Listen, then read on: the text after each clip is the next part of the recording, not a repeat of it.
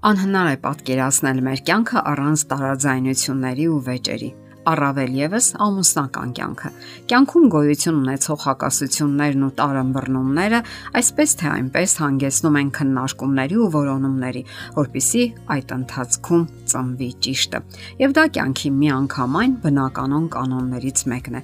Սակայն կյանքում առավել հաճախ այնպես է պատահում, որ այդ քննարկումները դուրս են գալիս իրենց սահմաններից կամ ափերից եւ վերածվում վեճերի, տհաճ վեճերի։ Վիճում են այն ժամանակ, երբ կողմերը չեն ցանկանում զիջել իրենց տեսակետը կամ էլ կարծիքը, չեն ցանկանում հրաժարվել իրենց հորինովի արժեքներից, ասենք եսասիրությունից, եւ պնդում են համառորեն մի բան, որն այնքան էլ ճիշտ չէ, սակայն արդեն այսպես կոչված ինքնասիրության հարց է՝ չզիջել եւ ոչ մի սանտիմետր։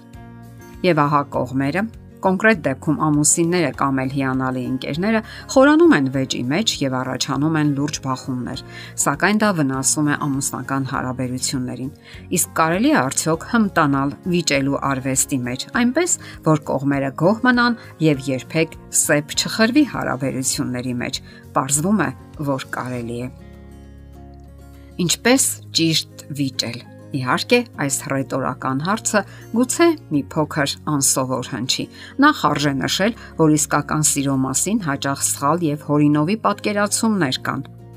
Մարդիկ հաճախ այդ պատկերացումները հիմնում են գեղարվեստական ֆիլմերի կամ էլ գրականության վրա։ Նրանք այնպես են ներկայացնում ամուսնական կյանքը կամ սերը կամ այնպես են պատկերացնում, որ թվում է ընտանիքում միայն հանդարտ հարաբերություններ են, կրակոտ հայացքներ, ճանապարհորդություններ եւ այլն։ Դա իհարկե այդպես չէ։ Վիճում են բոլորը, Իհարկե պատահում են զույգեր, որ ինքնավստահ հայտարարում են, որ իրեն երբեք չեն վիճում, սակայն եթե նույնիսկ հանդիպում են նման զույգեր, դա նշանակում է, որ նրանց հարաբերությունները մարել են այն աստիճան, որ այլևս վիճելու բան չունեն կամ ասելիք չունեն։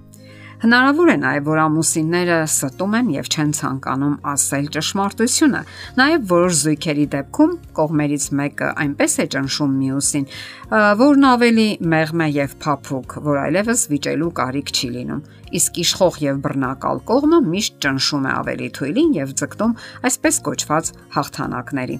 Սակայն ամենավատ տարբերակն այն է, երբ կողմերը հրաժարվում են աճել իրենց փոխհարաբերություններում նրանք այլևս չեն խորանում։ Վերածվել են պարզապես հարևանների, որոնք ապրում են հարևան սենյակներում։ Յուրաքանչյուրն ունի իր աշխարհը, իր հետաքրքրություններն ու նախապատվությունները, եւ որ ամենատարօրինակն է իր անձնական կյանքը։ Սակայն ասելիք կա բոլոր տարիքներում, որովհետև ամուսնական հարաբերությունները պահանջում են ուղղումներ եւ ճշգրտումներ ամուսնական բոլոր շրջաններում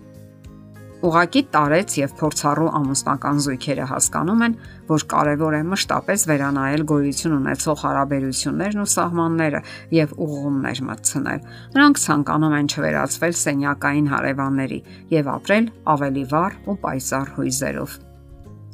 Ինչպես ճիշտ վիճել։ Այստեղ պետք է գործի երկաթյա կանոնը։ Ոչ մի դեպքում եւ երբեք չվիրավորել դիմացինին, չնվաստացնել եւ չփորձել հաղթել, այսպես կոչված։ Ամուսնական հարաբերությունները, ինչպես նաեւ ցանկացած հարաբերություն, երբեք չպետք է վերածել մարտադաշտի։ Կյանքը շատ ավելին է, քան մարտադաշտը։ Այն հարաբերությունների արվեստ է եւ սեր։ Ինչպես նաեւ կարեկցանքի ու հոգատարության հմտություն միմյանց հանդեպ։ Հոգատարության բավականաչափ մակարդակ Ահա թե ինչի պետք է ձգտեն ամուսինները իրենց հարաբերություններում եւ վիճելու ժամանակ առավել եւս։ Երբ դուք անտարբեր եք միմյանց հանդեպ, դա խաթարում է հարաբերությունը։ Ցավալի է, սակայն երբեմն կողմերն այնքան են անտարբեր, որ չեն ցանկանում արտահայտել նույնիսկ իրենց վիրավորվածությունը, հիասթափությունը, ցավը, ինչպես նաև կարիքները։ Նրանք այսպես են արտահայտում դա. Ինձ համար մեկ է այլևս։ Արա ինչ ցանկանում ես։ Ես անտարբեր եմ եւ երբ ոչինչ չի փոխվում նման հարաբերություններում, կարող եք վստահ լինել, որ վախճանը մոտ է։ Հնարավոր է պաշտոնապես չձևակերպեք ամուսնալուծությունը, սակայն դա արդեն ամուսնություն համարել չի կարելի։ Դուք անծանոթ միմյանց օտար անznավորություններ եք։ Իսկ երբ սկսում եք parzabanumները, ջանքեր եք թափում պահպանելու հարաբերությունները, վաղ թե ուշ դրանք կկարգավորվեն։ Պարզապես անհրաժեշտ է գիտակցական ու կամային որոշում ընդունել։ Կարող եք զրուցել, չհամաձայնել դիմացինի տեսակետներին եւ այնուամենայնիվ բաց պահել շփման ուղիները։ Իսկ դա նշանակում է գնալ նաև անհրաժեշտ զիջումների, համաձայնել դիմացինի հետ։ Իսկ միգուցե նա է ճիշտը, այլ ոչ դուք։ Երբ դուք զիջումներ եք անում կամ գնում զոհաբերության, ապա դա ինչ որ ձևով փոխհատուցվում է Դիմացիները սովորաբար գնահատում են զոհաբերությունները եւ նկատենք, որ դիմացիները եւս զոհաբերում են ինչ որ բան։ Միգուցե դուք չեք նկատում դա։ Ճշմարիտ սերը կհարատեվի միայն եւ միայն զոհաբերության արկայությամբ։ Շատերն այնքան են ցանկանում ասել վերջին խոսքը, որ հանուն դրա զոհաբերում են թե առողջությունը, թե իրենց ամուսնությունը։ Ամուսնությունը միմյանց ճանաչելու արվեստ է, այլ ոչ հաղթանակ պահանջող խաղ։ Եվ առավել եւս ոչ հաղթանակ։ Գոյություն ունի նման հասկացություն՝ առողջ վեճ։ Դա այն վեճն է, որտեղ կողմերը թե խոսում են, թե լսում, իսկ երբ միայն մեկն է խոսում, դա արդեն դասախոսություն է կամ զեկույց։ Ահա թե ինչու երբ դիմացինը խոսում է, հարկավոր է լսել եւ չընդհատել նրան։ Դրանից հետո պետք է փոխեք տեղերը Հիմա պետք է խոսի մյուսը, իսկ դիմացինը պետք է լսի։ Ինչ եք կարծում, դժվար է։ Ասենք, որ այլ ճանապարհ գոյություն չունի։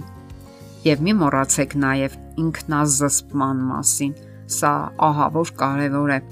Ցանկացած հարաբերության մեջ առավել եւս ամուսնական շատերը խոսում են ասես փրփուրը բերանին։ Դա մանկական մտածում է։ Իսկ դուք հասուն մարդիկ եք, պետք է զրուցեք խաղաղ եւ մտածեք դիմացինի արժանապատվության, ինչպես նաեւ ձեր գեղեցիկ ու թանկ հարաբերությունները պահպանելու մասին։ Եթերում է ընտանիք հաղորդաշարը։ Հարցերի եւ առաջարկությունների համար զանգահարել 033 87 87 87 հեռախոսահամարով։